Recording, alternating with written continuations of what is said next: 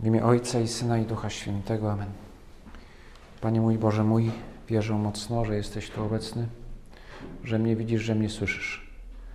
Uwielbiam Cię z najgłębszą uczcią. Proszę Ciebie o przebaczenie moich grzechów i o łaskę owocnego przeżycia tego czasu modlitwy. Matko moja niepokalana, święty Józefie, Ojcze i Panie mój, Aniele stróżu mój, wstawcie się za mną.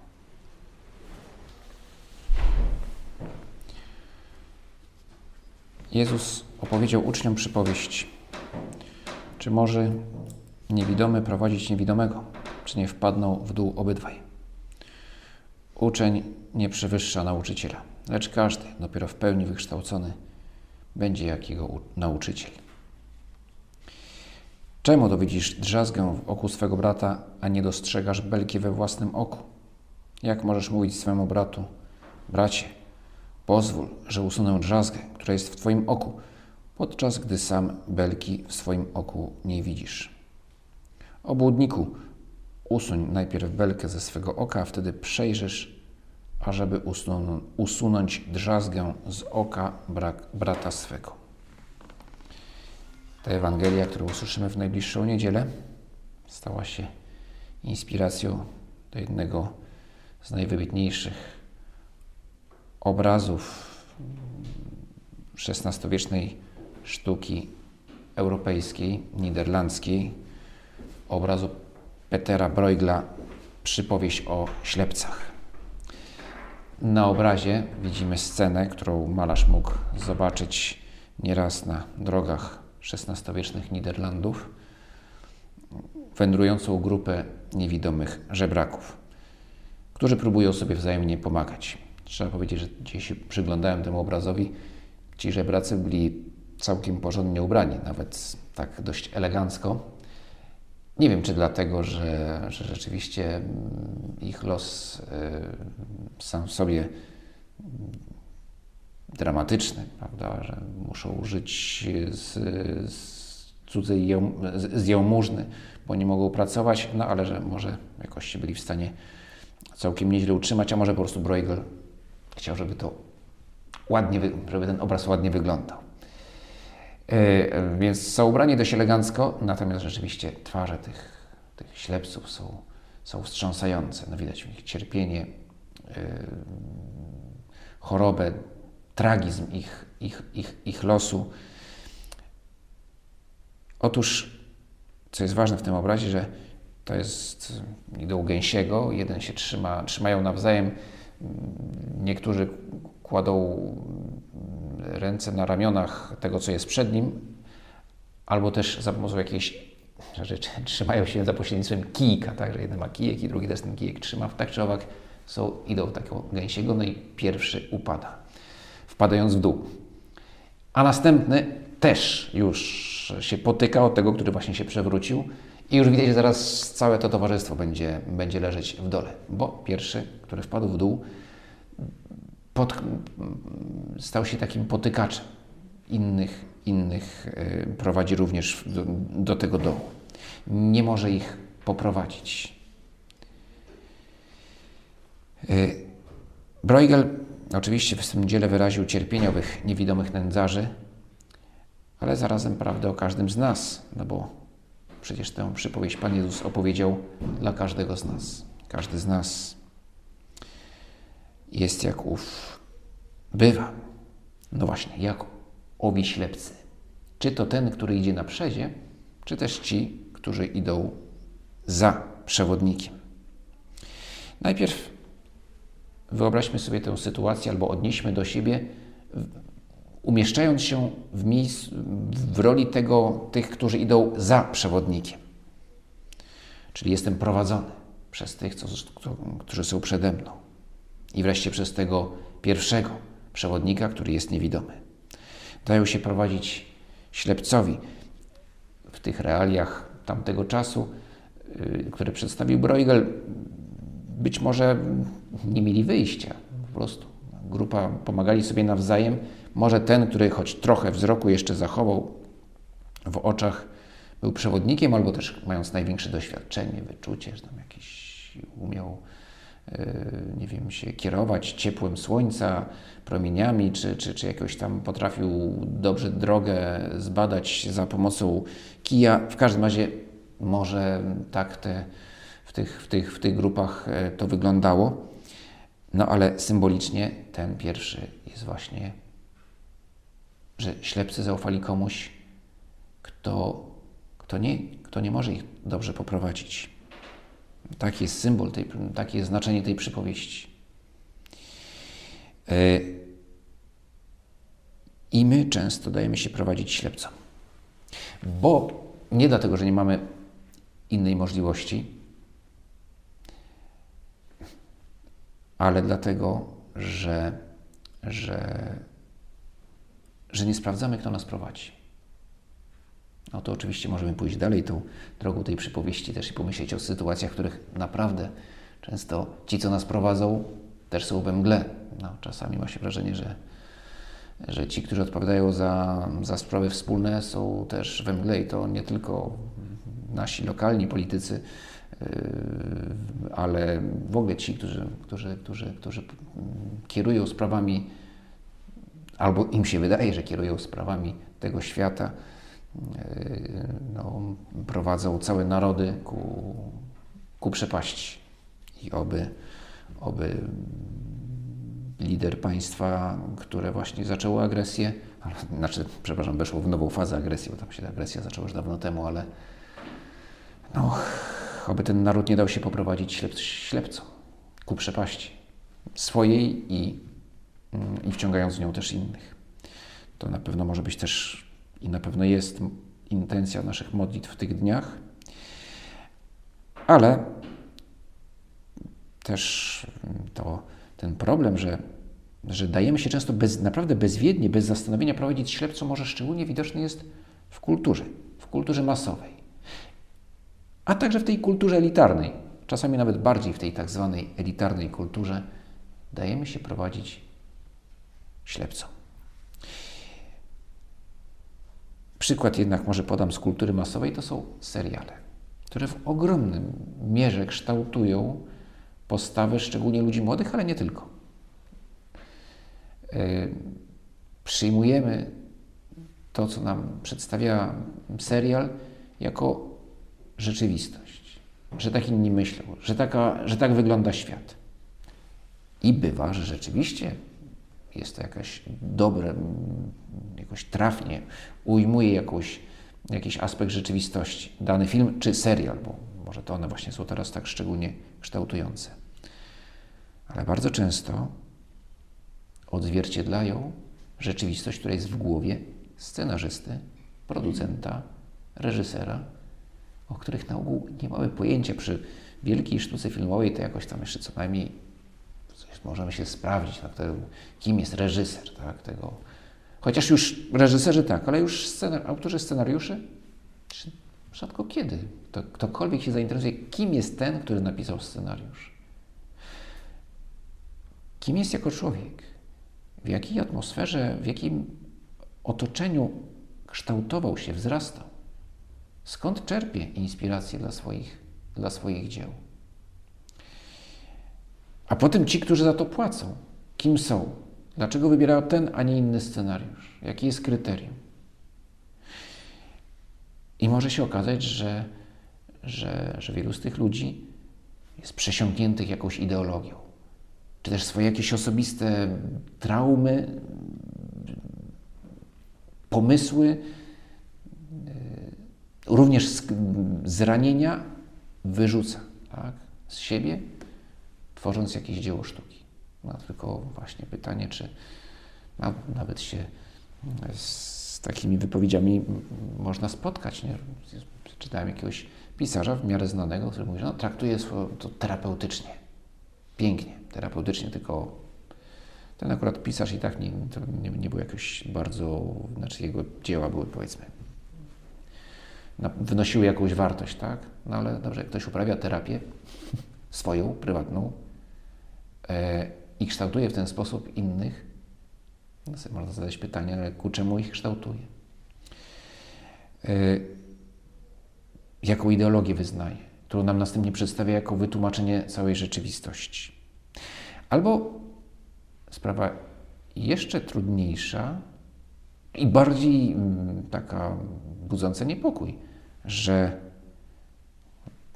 ideolog, który tworzy jakąś, chce tam sprzedać za pomocą dzieła sztuki, y, jakiegoś filmu, serialu czy książki, chce nam sprzedać jakąś ideologię. Ale problem jest taki, że, że czasami to już nawet nie ideologia jest w tle, ale algorytmy. Algorytmy zaprojektowane według rzeczywiście pewnego najbardziej prymitywnej ideologii, jaką jest to, że liczy się tylko zysk. I te sprawy, które kilka miesięcy temu wzbudziły duże oburzenie, choć nie wiem na ile, na ile to oburzenie przekuło się na jakieś działanie, sprawy nadużyć ze strony Facebooka, ale przecież to, to nie jest jedyne Facebooka, teraz to się jakoś tam inaczej nazywa, meta, tak, żeby, może właśnie, żeby zamaskować te, e, tam, tamten skandal, ale, ale to jest problem o wiele szerszy, że algorytmy ustawione według ideologii utylitaryzmu, maksymalizacja zysku, e, są, kierują. Mnóstwo decyzji ludzkich jest podejmowane na podstawie tych właśnie algorytmów. Na przykład algorytmów wpisanych w systemy komputerowe, czy też wbitych do głowy. Także nawet ci, którzy się nimi kierują, nie zdają sobie sprawy, że idą według bardzo prymitywnego, prymitywnego, prymitywnej zasady. Klikalność. Żeby się dobrze sprzedało, musi się klikać. A żeby się klikać, co najszybciej się klika skandal, seks, yy, zło, coś, co tak epatuje, strachem, tak? No więc to jest emocje różnego rodzaju, one się liczą. A prawda, a to jak, jak kształtujemy rzeczywistość w oczach yy, umysłów tych, którzy te dzieła konsumują, już się nie liczy. Ślepi przewodnicy ślepych. Yy, I tak łatwo możemy dać się, i to również ludzie bardzo świadomi, no, obyśmy należeli do ludzi, którzy świadomie przyjmują dzieła, dzieła kultury, ale uwaga, też możemy się nabrać tak, na, na to i to nawet nie komuś, osobie, która chce mnie zmanipulować, ale pewnemu systemowi stworzonego przez ludzi, ale który już trudno powiedzieć, kto go stworzył, ale, ale który działa na naszą niekorzyść. Sprawia, że wpadamy co róż w jakieś doły i mało tego, jesteśmy w dole, jeszcze myślimy, że, że, że dalej wędruję bardzo ładną, że to jest, jestem w, w pięknym lesie, a w rzeczywistości jestem w dole, w bagnie, tylko jeszcze sobie nie zdałem z tego sprawy. Więc może to jest jedna myśl, którą nam, czy wskazanie, które daje nam Pan Jezus w tej przypowieści, ale od razu czujemy, że to nie jest główne, nie jest najważniejsza myśl, czy najważniejszy drogowskaz, który nam Pan Jezus daje. Bo oczywiście bardziej nam Pan Jezus w tej przypowieści mówi o przewodnikach, to znaczy mówi do nas jako do potencjalnych przewodników. Tak właśnie, kiedy kierował tą przypowieść, to miał wokół siebie uczniów, którzy będą, a nawet już są przewodnikami. Pan Jezus już im zlecił, dał, yy, dawał już w tym czasie jakieś zadania, żeby, żeby pomagali mu w głoszeniu Ewangelii. Wśród słuchających są również faryzeusze czy uczeni w piśmie, którzy sami uważają siebie za przewodników i w jakiś sposób nimi byli. Choć tak często to było takie samomianowanie, tak, że patrzcie na mnie, ja jestem, będę waszym przewodnikiem. No ale mieli określoną rolę w ówczesnym społeczeństwie, e, funkcję religijną, byli przewodnikami. Do nich też zwraca się Pan Jezus, nie mówi im, nie jesteście przewodnikami, ale mówi, uwaga, możecie być, a bywacie, a może nawet na ogół jesteście ślepymi przewodnikami ślepców. E, Jeśli twój wzrok jest zaćmiony, mówi Pan Jezus, nie próbuj być przewodnikiem, ani okulistą. I w tym momencie możemy zaprotestować. Zaraz, Panie Jezu. Dobrze, zostawmy tych faryzeuszy. Ale apostołowie, to Ty samim zleciłeś tą misję, że oni mają być przewodnikami. Przygotowujesz ich jako przewodników, ale już nawet często właśnie dajesz im zadanie przewodzenia. No to jak to? Chcesz, żebyśmy byli my wszyscy apostołami. Żebyśmy dzielili się naszą wiarą. A co znaczy dzielić się naszą wiarą? To znaczy również wskazywać drogę. Drogę, którą ja sam idę, ale no, no, no pokazuję drogę. I tutaj możemy poczuć się troszeczkę skołowani. To w końcu, Panie Jezu, mam pomagać ludziom szukać prawdy, czy nie mam? Czy mam im mówić, ja się nie znam, nie, nie, nie, ja jestem całkowicie ślepy, nie wiem nic, nie mam pojęcia o niczym, nic ci nie będę podpowiadał. No ale jesteś katolikiem? Tak, ale to, to no wiesz, no to jestem, ale sam, sam nie jestem pewien, czy, to, czy, czy ta droga, w której to, to, te, te prawdy, które wyznaję, czy one są prawdą, nie jestem pewien. Niestety niektórzy y, tak odczytują tą i może też i inne fragmenty Ewangelii, że Pan Jezus mówi: Nie, nie, nie wpchajcie się nigdzie, chrześcijan, jesteście moimi naśladowcami, ale innych tam nie, nie myślcie, że, że, że, że możecie komukolwiek wskazywać drogę.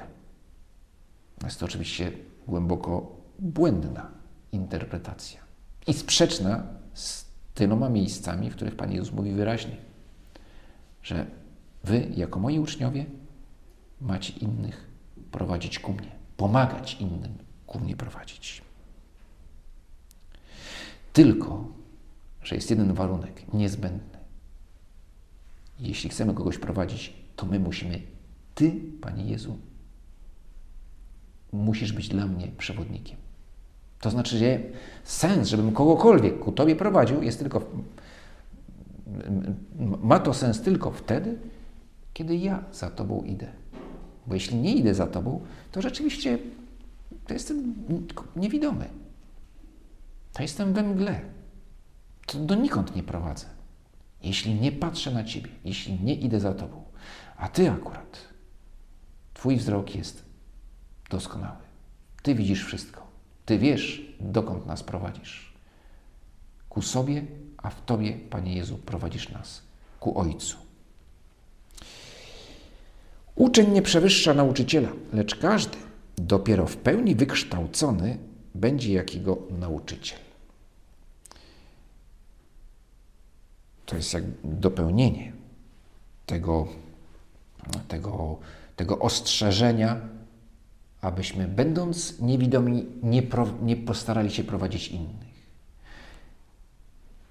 Ale słysząc to drugie wskazanie, już zacz, zaczynamy rozumieć, o co chodzi. Tak, mam prowadzić innych. Ucząc się. Będąc Twoim uczniem. I dążąc do tego, aby osiągnąć owo pełne wykształcenie. Tutaj to tłumaczenie jest nieco mylące, ponieważ w pełni wykształcony to, to by znaczyło, że jakieś papiery ma już, prawda? To już w pełni wykształcony co najmniej magisterium, tak? Wykształcenie pełne to gdzieś we współczesnych realiach, no to wykształcenie wyższe, pełne, no to jest magister, o ile pamiętam.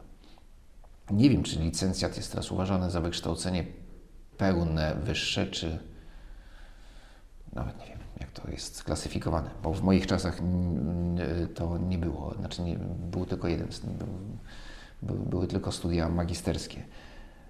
E, I, więc nie wiem, jak to, jak, to, jak to tam jest teraz klasyfikowane, tak czy owak. Myślenie kategoriami wykształcenie pełne, to znaczy, że mamy papiery na, na to, żeby być apostołami. Nie, oczywiście, że nie o to chodzi to, to słowo, które tutaj jest użyte, greckie, to jest katertis menos. To znaczy ten, który jest w pełni wydoskonalony. No ale ponieważ słowo wydoskonalone jest sobie Nawet nie byłem pewien, czy jest poprawne, ale to znalazłem w słowniku, więc no, chyba tak można powiedzieć, że coś jest wydoskonalony, ale, ale, ale jest to słowo bardzo takie wyszukane. Dlatego może tłumacz umieścił, y, tłumacze Pisma Świętego używają innego, prostszego. Jestem w pełni wydoskonalony. Znaczy, ktoś uczynił mnie doskonałym. Ktoś. Ty, Panie Jezu. A czym jest ta doskonałość? To nie jest określony stan, do którego dochodzimy i w którym trwamy. Doskonałość chrześcijańska to jest coś, co ciągle zdobywamy, do czego dążymy, bo ona polega na tym, że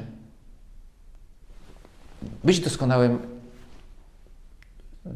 oznaczy oś, osiągnąć pełnię. To znaczy słowo doskonały, co najmniej w języku starożytnym. E, przepraszam, w kategoriach e, starożytnych. I w języku greckim, no, dla Żydów myślę, że tak samo, podobnie, znaczy ta doskonałość też to oznaczała, że osiągać jakąś pełnię, harmonię. Osiągam pełnię w Tobie, Panie Jezu, ale ja osiągam ją nieustannie. No, moje życie jest dynamiczne. Mało tego, Ty jesteś tak. Twoje. To, co nam pokazujesz, jest, co nam wskazujesz jako drogę, jest czymś tak bogatym, że Ty on nigdy nie osiągnie, nie wypełni się tym całkowicie. I nie o to chodzi. Chodzi o to, żebyśmy się cały czas, każdego dnia, naśladując Ciebie, Panie Jezu, utożsamiając się z Tobą, pozwalając, abyś w nas żył, każdego dnia osiągali, osiągali pełnię na tyle, na ile nas danego dnia stać. Czy na danym etapie życia, może to nie, że danego dnia, bo to by mogło trochę być mm, wskazywać, że doskonałość jest czymś zupełnie przypadkowym. Nie, ale na każdym etapie naszego życia ona może oznaczać doskonałość, pełnia coś innego. I przede wszystkim jest czymś, co, co ciągle zdobywamy. Problem faryzeuszy polegał na tym, że oni uważali się za doskonałych. Już. Uważając się za doskonałych, bo spełniają określone kryteria. Znaczy, że nie widzieli, czym naprawdę doskonałość jest, a co najmniej doskonałość w takim znaczeniu, jakie Ty temu słowu, Panie Jezu, nadajesz.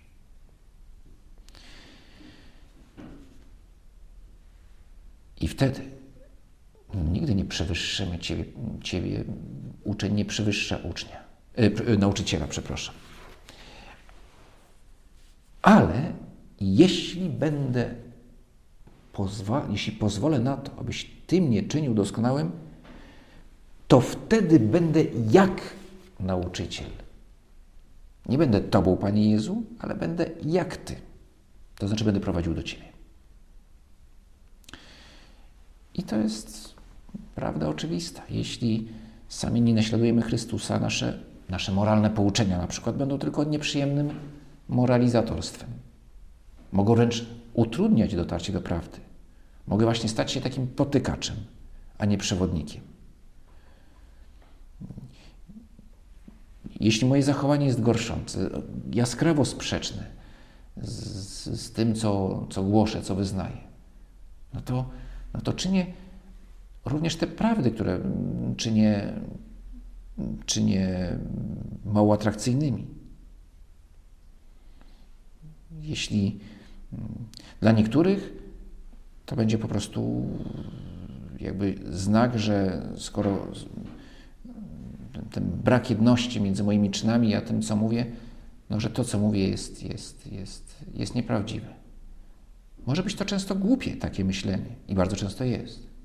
Typowe hasło. No, jak Kościół może nam tutaj mówić, wskazywać nam jakieś moralne ideały, skoro tylu jest księży zepsutych, skorumpowanych i, i, i, i, dopuścili się niektórzy jakichś strasznych przestępstw przeciwko szóstemu przykazaniu. No to co nam będą mówić o szóstym przykazaniu?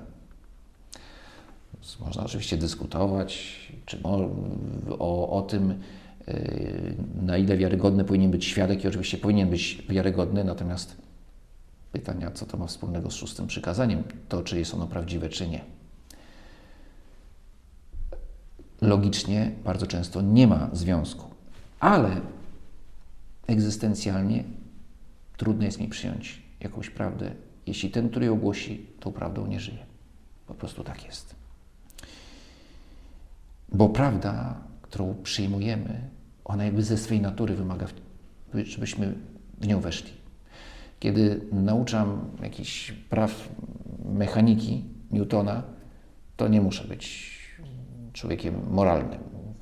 Znaczy, jakby nie ma związku moralność osobista wykładowcy z, z mechaniką. Natomiast jeżeli mówię o mechanice, w cudzysłowie, życia, czyli o, o moralności, to, no to jeżeli tym nie żyję, no to, no to, no to, to, to staje się niewiarygodne to, co mówię. Panie Jezu, abym nigdy nie stał się z powodu mego zachowania dla kogokolwiek potykaczem. To na pierwszym miejscu oznacza, aby moje życie było spójne i abyś Ty był w jego centrum. Ta spójność, tą spójność osiągamy może przede wszystkim w modlitwie. W modlitwie pod warunkiem, że ta modlitwa przekuwa się na działanie. To znaczy, że ja przyjmuję w, w czasie modlitwy, szczególnie modlitwy myślnej, przyjmuję prawdę, którą mi Boże objawiasz, jako moją prawdę. Na czym to, na tym między innymi to jest celem modlitwy. Nie jedynym. No, celem jest w ogóle bliskość, zjednoczenie z Tobą. Ale to zjednoczenie wymaga też, no, oznacza również przyjęcie tego, co mi dajesz, co dajesz mi i każdemu z nas. Tylko, żeby tak się stało, to to, to co słyszę, na przykład czytając Ewangelię i rozważając ją, chcę, aby się przekuwało na moją codzienność, na moją rzeczywistość, na, na, na, na rzeczywistość mojego, mojego życia. A to wymaga wysiłku, to wymaga konkretnych postanowień. To wymaga ciągłego oczyszczania mojego wzroku. Rachunek sumienia. Sakrament spowiedzi to jest ciągłe przemywanie oczu, po to, żeby mógł lepiej widzieć i pomagać też innym. I pomagać z pokorą, bez arogancji, tylko, która charakteryzowała właśnie faryzeuszy, że jestem doskonały. Pozwól, ja doskonały Tobie nędzniku pomogę. Nie, jestem grzesznikiem tak jak i ty.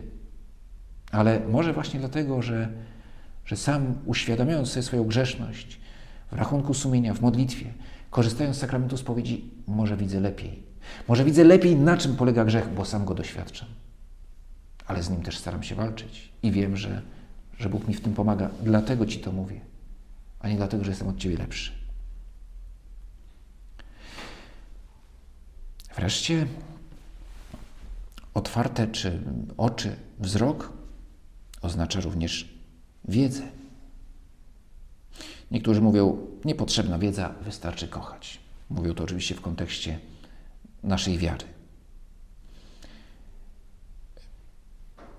Tak, wystarczy kochać, tylko że miłość zakłada również, zakłada działanie woli, kochać to znaczy chcieć, ale również rozumu, bo trzeba wiedzieć, czego chcę. To jest oczywiste. Czasami o tej oczywistości zapominamy. Nasza wola potrzebuje rozumu. Potrzebujemy znać czy poznawać prawdę, na ile jesteśmy w stanie ją poznać. Prawda i dobro się przenikają.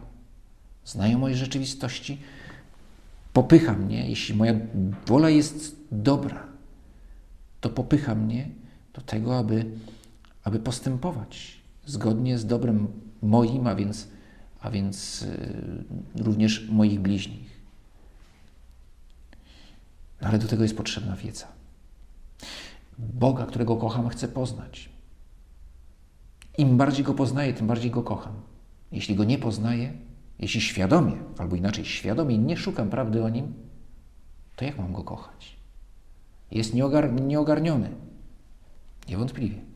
Nigdy go nie poznam w całej pełni. Nie poznam. Ale na tyle, na ile on pozwala mi się poznać, to go poznać chcę. Dlatego tak ważna jest też wiedza, znajomość doktryny wiary, aby samemu idąc drogą pomagać iść innym. Straszny to człowiek, ignorant, który jednocześnie pracuje niestrudzenie. Miej ciągłe pragnienie zdobywania lepszej informacji. Chodził się już stał nad grobem, pisze święty Josemaria, zachęcając do tej nieustannej, nieustannego kształtowania naszego umysłu, również na tym poziomie wiedzy intelektualnej. Bo choć ona nie wystarczy, to jest potrzebna. Czy znam moją wiarę? Czy znam prawdę mojej wiary? Tak wielu, tak wiele osób jest zawzięcie antykatolikami czy antychrześcijanami, bo w ogóle nie wiedzą, na czym polega nasza wiara. Ktoś z, zaciekle walczy z Kościołem, w ogóle nie wiedząc, czym Kościół jest, i może to, z czym walczy, jest jakąś karykaturą Kościoła.